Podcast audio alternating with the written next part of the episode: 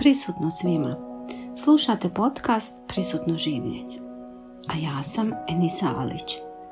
Sve o čemu ću pričati je proisteklo iz iskustva 25 godina opširnog rada na sebi. Ali i kao majke troje djece. Ovaj podcast je tu kako bi vam pomogao da se snađete u uzbudljivoj avanturi života. Da, najblaže rečeno.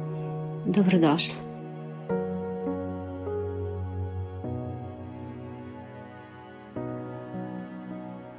Danas, 9. marta 2022. godine, sam pozvana da odgovorim na četiri pitanja.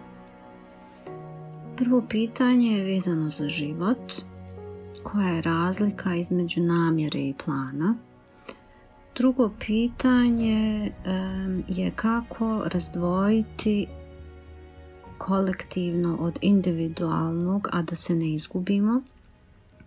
Treće pitanje je zašto traume trebamo nadovo proživjeti da bi integrisali šta se tačno dešava.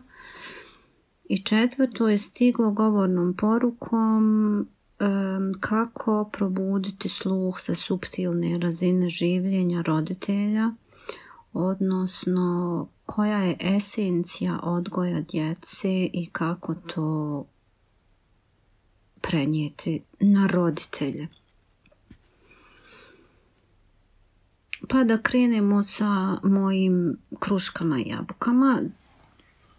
Odvojit ćemo prvo ego od bića.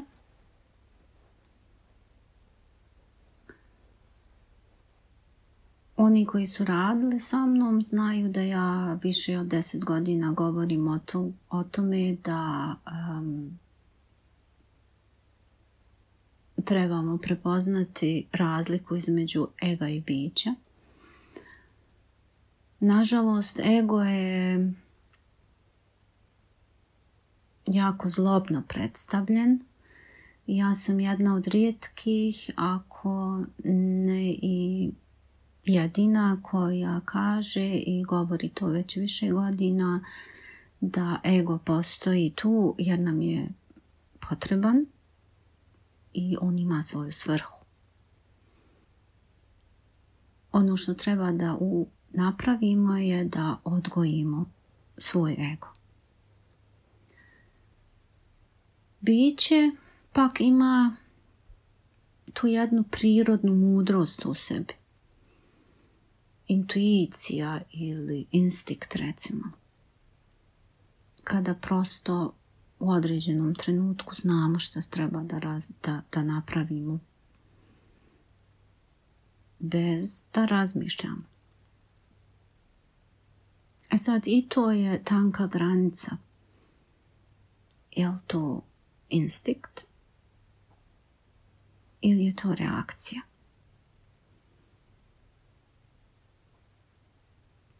Znači na ovom mjestu trebamo ponovo odvojiti kruške od jabuka i prepoznati razliku između emotivnog naboja koji nas u biti goni ka reakciji bez da smo mi u mogućnosti da svjesno djelujemo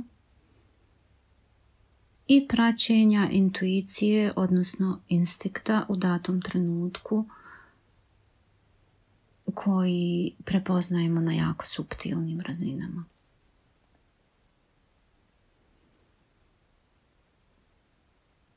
Znači, razlika između ega i bića treba da bude prva tema koju bi pogledali u samima sebe.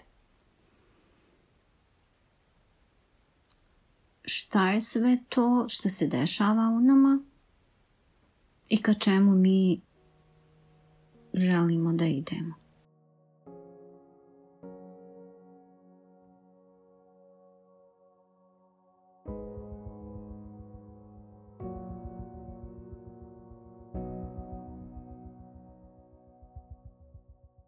Tu možemo postaviti pitanje koja je razlika između plana i namjere –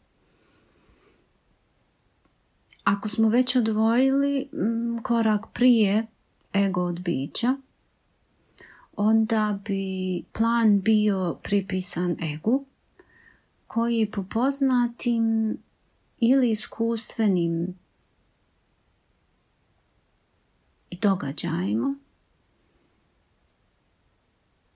i naučenim i pročitanim, znači nešto što smo mi van sebe dosegli do toga, pravimo plan koraka koji trebamo da napravimo u vanjskom svijetu.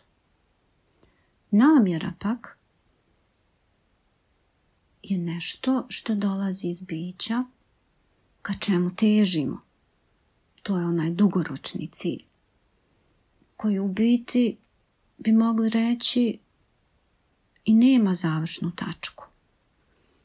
Jer mi nemamo predstavu kako ćemo uopšte doći tamo. Znači namjera je nešto ka čemu težimo, nemamo plan i krećemo se od koraka do koraka, od raskrsnice do raskrsnice i tokom tog puta donosimo odluke kako ćemo dalje koračati. A plan imamo već unaprijed isplaniran, idemo glavom kroz zid. Ako je na raskrsnici skretanje desno zatvoreno, mi ćemo pod svaku cijenu da pokušamo da skrenimo ipak tu desno. Dok namjera je opet nešto ono suptilno u nama koji zna da možda može i nekim drugim putem doći do tamo. Znači plan dolazi iz ega, namjera dolazi iz bića.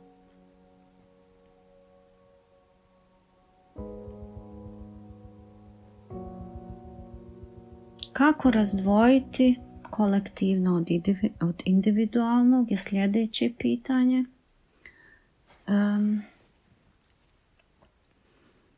želim napomenuti da ja odgovaram iz mog iskustva, znanja i sadašnjeg trenutka. Ne kažem da je apsolutna istina.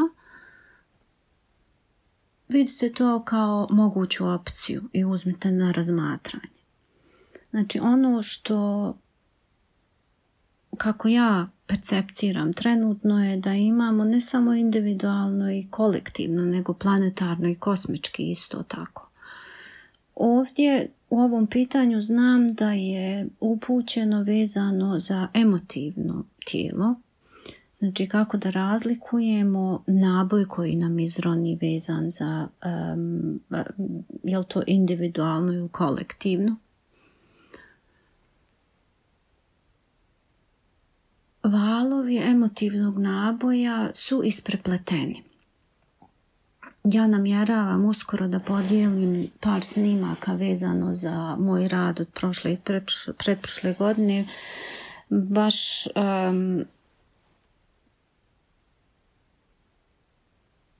je kreativno naslikano, da kažem, taj e, individualni kolektivni naboj. Tri odnosno četiri, kako se isprepleću. U biti kako možemo prepoznati da, da je emotivni, da je naboj individualni naš je da nemamo apsolutno uticaja na to. Znači kada se radi o našim temama u odnosu na trenutna zbivanja i dešavanja u svijetu kojih imamo poprilično, um, nešto što nas dotakne i prosto izbaci iz kolosijeka. Ne znam kako drugačije to da kažem, ali znamo svi taj osjećaj gdje prosto reagujemo i na jednom ne znamo zašto smo bijesni ili ljuti ili tužni. Um, u velikoj većini tu se radi o individualnom naboju. E sad, da li je uopšte bitno da znamo da li se to radi o individualnom, kolektivnom, planetarnom ili kosmičkom naboju, emotivnom, jer svaka tema ima svoj val. U biti nije. Koliko god bi voljela da vam kažem da možemo to. Mislim, odvajanje kruške od jabuka, naravno da je, da je uvijek dobro. Ali e, bol je bol. Bila to individualna, kolektivna ili planetarna. Majke zemlje koja se trenutno isto bori za opstanak kao i mi. Na koncu nije ni bitno vratit ću se na ono što možemo bez, bez, bez ikakvog filozofiranja, što možemo u tim trenucima kad nas, kad nas zaista preplavi između uh, one svakodnevnice i onoga ka čemu mi težimo, znači kao ego bića, da nastavimo raditi, da pazimo na djecu, da radimo, da zarađujemo taj novac, da platimo benzin sa tim novcem koji smo zaradili da bi mogli da platimo benzin i tako dalje. Mislim, stvarno došli smo do apsolutnog ludila. I to u 2022.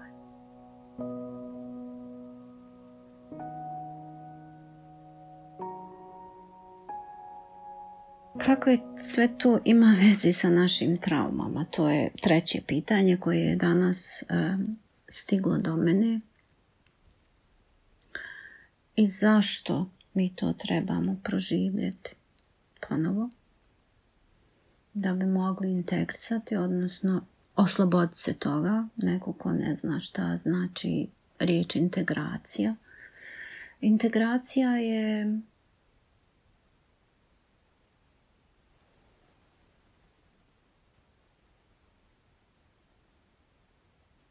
transformisanje emocija. Ali što se zapravo dešava kad mi transformišemo emocije? mi ih možemo otpustiti. Neko ko je radio već neko vrijeme na sebi zna da kroz sve trenutke gdje se pojavljuju, od, odnosno izranjaju određene traume iz našeg života, posebno gdje nemamo pristupa umom, a to je vrlo lako. Svako od nas ima traumu, nikakve druge traume da ne spominjemo ka pri rođenju. Znači rođenje, velika većina je nažalost rođena pod jako velikim traumama. Znači kad dođemo do vibracion, vibracionalnog tijela, tu nema mnogo objašnjenja. Tu ego nema pristupa i mi nemamo načina uopšte razumom da to objasni.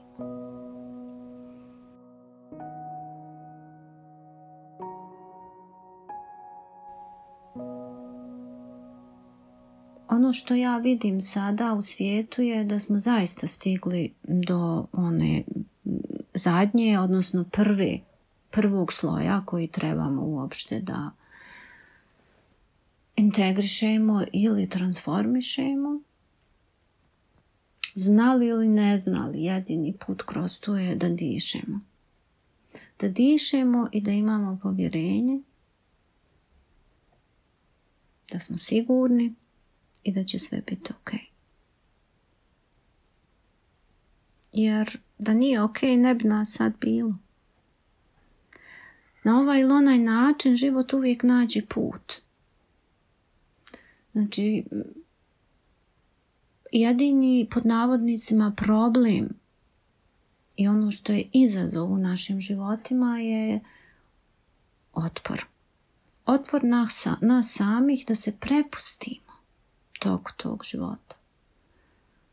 Kad se radi o traumama, to je prepuštanje bolu i tugi i miksu svih ostalih, pod navodnicima, negativnih emocija. A u biti, nijedna emocija nije niti negativna, niti pozitivna. Mi to samo osjećamo kroz pritisak. Nećete vjerovati, ja sam doživjela napade panika, odnosno panike u trenucima najveće radosti.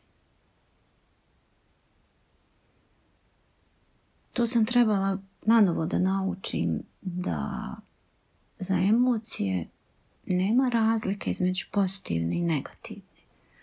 Mi to osjećamo samo kao pritisak. A način na koji to interpretiramo dovodi nas do radosti ili straha.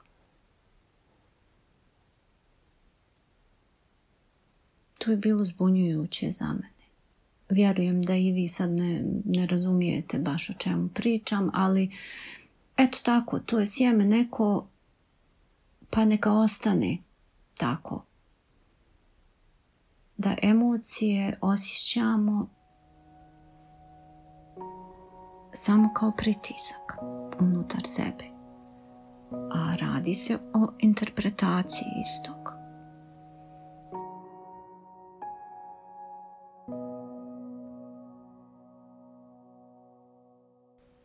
Kada bi zaobišli um, tu bi bilo naravno sve lakše. Eh, tu dolazimo ponovo do onoga šbb, tu mi znamo šta bi bilo kad bi bilo. Ali ne znači da ne trebamo da težimo ka tome. E to je ono, sad vraćamo se pomjeru ponovo na namjeru i na, na plan. Bez pravljenja plana možemo i tekako da imamo namjeru da naučimo i uspijemo, da integrišemo i da živimo.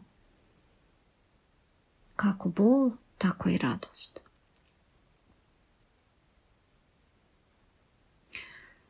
šta sve to ima veze sa roditeljstvom i kakve to veze ima sa našom djecom. Zašto su naša djeca tako okrutna prema nama?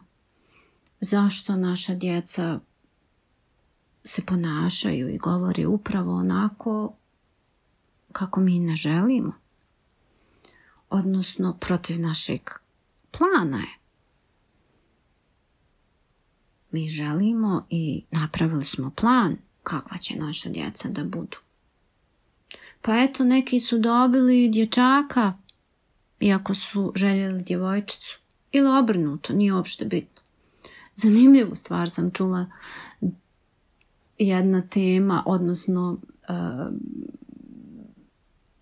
pogled da je neko rođen da bude majka djevojčici, a ne dječaku. Bože, dokle to rascijepljivanje ide, da mi kao roditelji se vidimo da smo više sposobni biti majka dječaku ili djevojčici. Jel vama ovo zvuči malo suludo? Mislim, ja znam da, nema razloga, Iako nemam iskustvo sa dječacima. Ja imam tri djevojčice. U vremenu znači u ovom trenutku 25, 18, 14 godina um,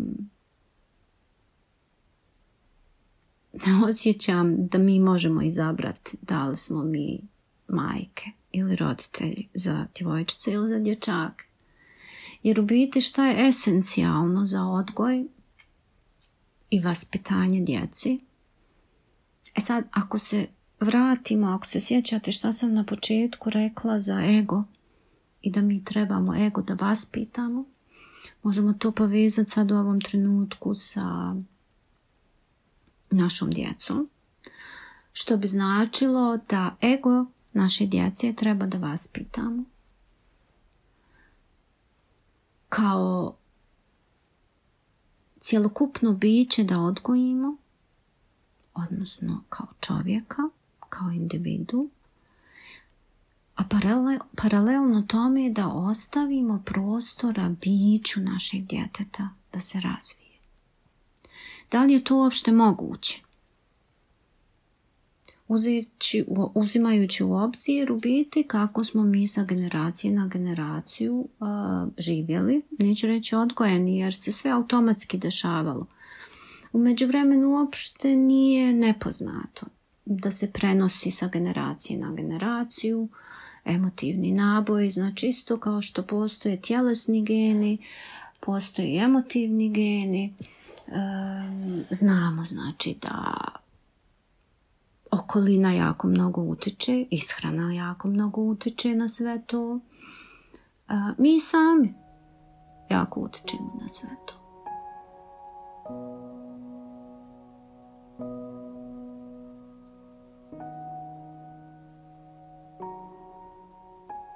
Kakve veze imaju sad naša djeca sa svim tim? Nažalost, previše. Da bi djecu vaspitali, odnosno ego vaspitali, biće odgojili, je neophodno da smo u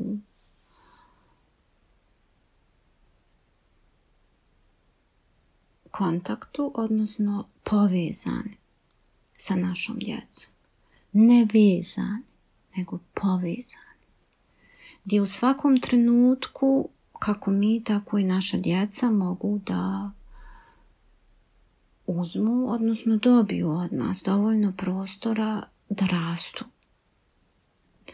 Ako ja imam plan i predstav kako treba moje dijete da, da, da izgleda, da se ponaša, da govori, ja ne ostavljam prostora za biće mog djeteta. Znači, ja vaspitavam ego u biti. Potpuno zanemarujući biće mog djeteta. Kako? Doprijeti do roditelja, da su njihova djeca individuje same za sebe ima ona jedna divna, naša djeca nisu naša djeca. To neko ko ne zna od Gibrana od srca preporučujem da poslušate. Bez obzira koliko nas to bolilo. Zaista nisu naša djeca.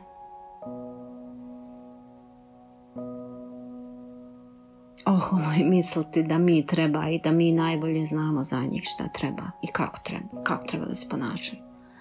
Ako uzmemo, znači sad to pitanje zadnje koje sam ja dobila, znači kako probuditi sluh sa subtilne razine življenja kod roditelja. Prvo pitanje je šta ti zaista želiš svom djetetu? jel želiš da se ponaša upravo onako kako mu ti kažeš, da završi tu školu, da sjedi tako, da ima tu boju kose, da ima te ocjene u školi, da bude doktor i da se ubije u 25. godini života, jer je nesretno. Jel želite vi to? Naravno da ne želite. A kako? kako u biti da doprete, kako da se povežete sa svojim djetetom.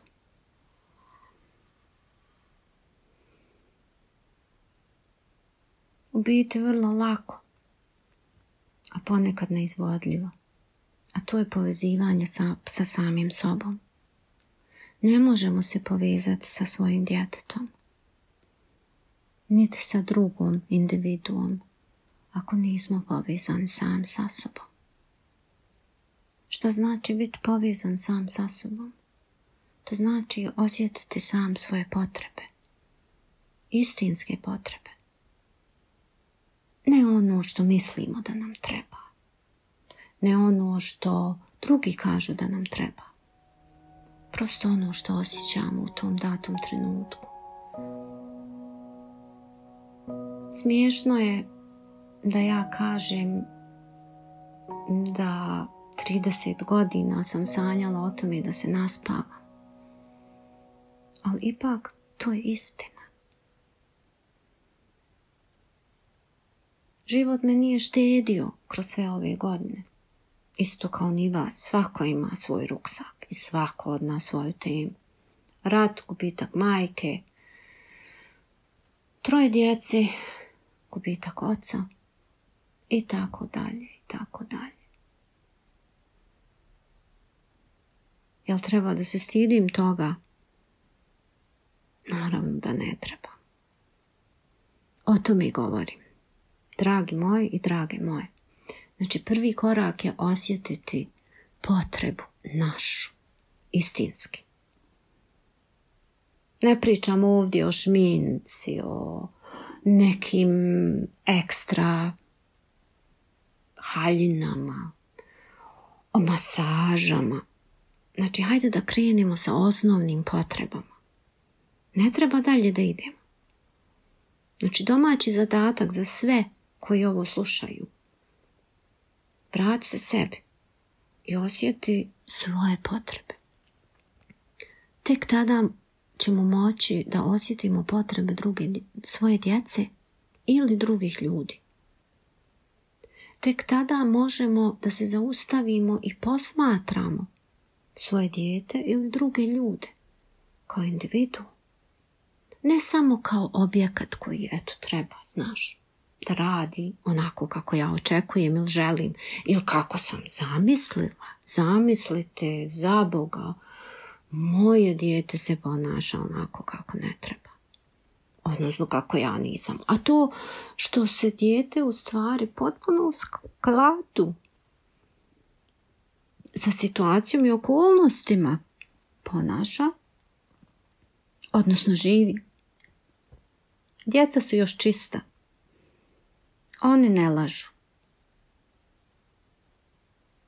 Upravo zbog toga se i bojimo te naše djece. I što su oni čisti i mi smo sve Stroži. Evo, čujem sama sebe kako pokušavam da, da ublažim tu istinu. Govoreći iz mi. Imam sama troje djece, znam koliko to boli. Ali isto tako znam razliku kada dođemo na tačku gdje smo, smo integrisali svoje traume i ne doživljavamo više te naboje i valove. Kada imamo, znači, diskusije sa svojom djecom, što je prirodno, ljudi, prirodno je sa svojom djecom imati, znači, za ovo postavljeno pitanje, četvrto, prirodno je da djeca Znači, u određenom trenutku žive kontru od nas. To je priroda. To tako treba. Treba da ih pustimo da se razvijaju. O čemu mi ovdje uopšte pričamo? E, šta želimo mi svoje djeci? Zašto mislimo da trebaju upravo tako da se ponašaju kako mi mislimo da se ponašaju? Bez da smo svjesni da oni nama u stvari reflektuju same nas obično sjenke naše. I tu ko je radio malo na sebi zna šta znači ta tamna strana nas. Za one koji ne znaju, to je mm, znači jedna mm, razina koju nismo u mogućnosti da sami vidimo do određenog trenutka gdje smo spremni da se suočimo sa svojim sjenkama. To nije ništa strašno, ljudi. Svako od nas ima svoje sjenke.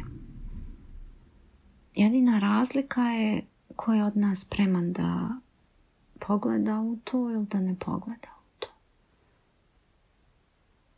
Tu ništa ne govori o nama.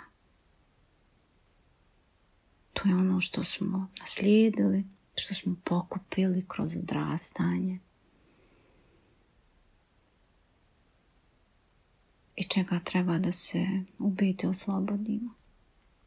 Odoh ja opet naširoko i duboko. U biti, ako se nadovežem na odgovor od, od prije desetak dana kako se nositi sa trenutnom situacijom u svijetu, sa današnjim pitanjima 9. marta o životu, namjeri, planu, kolektivu, individualnog, individualne razine, kako to razdvojiti, da se ne izgubimo, zašto traume trebamo na novo proživjeti i kako probuditi sluh sa subtilne, subtilne razine življenja u odnosu sa našom djecom. Ako sve to podjednostavim, znači na onaj najjednostavniji i najčistiji izraz je ljudi dišite. sve što vidite u svojoj djeci vratite sebi, oni su vam ogledala. Postavite sebi uvijek ponovo pitanje šta ja želim svom djetetu, šta dugoročno, šta kratkoročno, šta je potrebno mom djetetu, čujem li ja uopšte svoje djete. koja je moja namjera, koji je moj plan, odnosno živim li iz ega ili živim iz bića. evo dolazim spontano da podijelim isto tako ništa neobično, odnosno ništa što nije poznato, a to je da u međuvremenu je dokazano da srce ima ćelije ćelije srca koje su isto ćelije kao i ćelije u mozgu s tim da je hiljadu puta jače nego u mozgu. Znači mi imamo magnetno polje i električno polje koje isijavamo, odnosno naša frekvencija je. Bilo šta da govorite, zapitajte se je, li to sad iz uma ili je to iz srca. zaustavite se. To je poruka i od prošlog odgovora. Zaustavite se. Mislim, znam da sve ovo zvuči toliko suludo i toliko ludo i toliko izmiješano, ali mi nemamo vremena više da učimo stvari i da provedimo deset godina za izučavanje nekih tehnika i legendi i učenja, posmatrajte sami sebe dište i osjetite razliku između tog ono što nas vodi ka umu i odnosno ono što ide kroz um i ono što teče kroz srce. Plus minus, na kraju svega je da se sebi trebamo vratiti, da ne možemo osjetiti potrebu djece, naše djece, dok ne osjetimo potrebu svog djeteta unutar nas, koji smo zaboravili davno, davno. Isto tako kao što ne možemo spoznati razliku između namjere i plana u svom životu ako ne integrišemo traumu. Odnosno nešto što se desilo u našem životu, a da i ne znamo. Znači mi možemo u prošlost da idemo kroz um do određene tačke, ali ljudi, tu naše traume, znači kolektivno, idu mnogo, mnogo dublje nego što se mi možemo sjetiti. Sam porod, pa trudnoća, pa onda ajde vraćaj se hiljadama godina unazad jer svi smo povezani.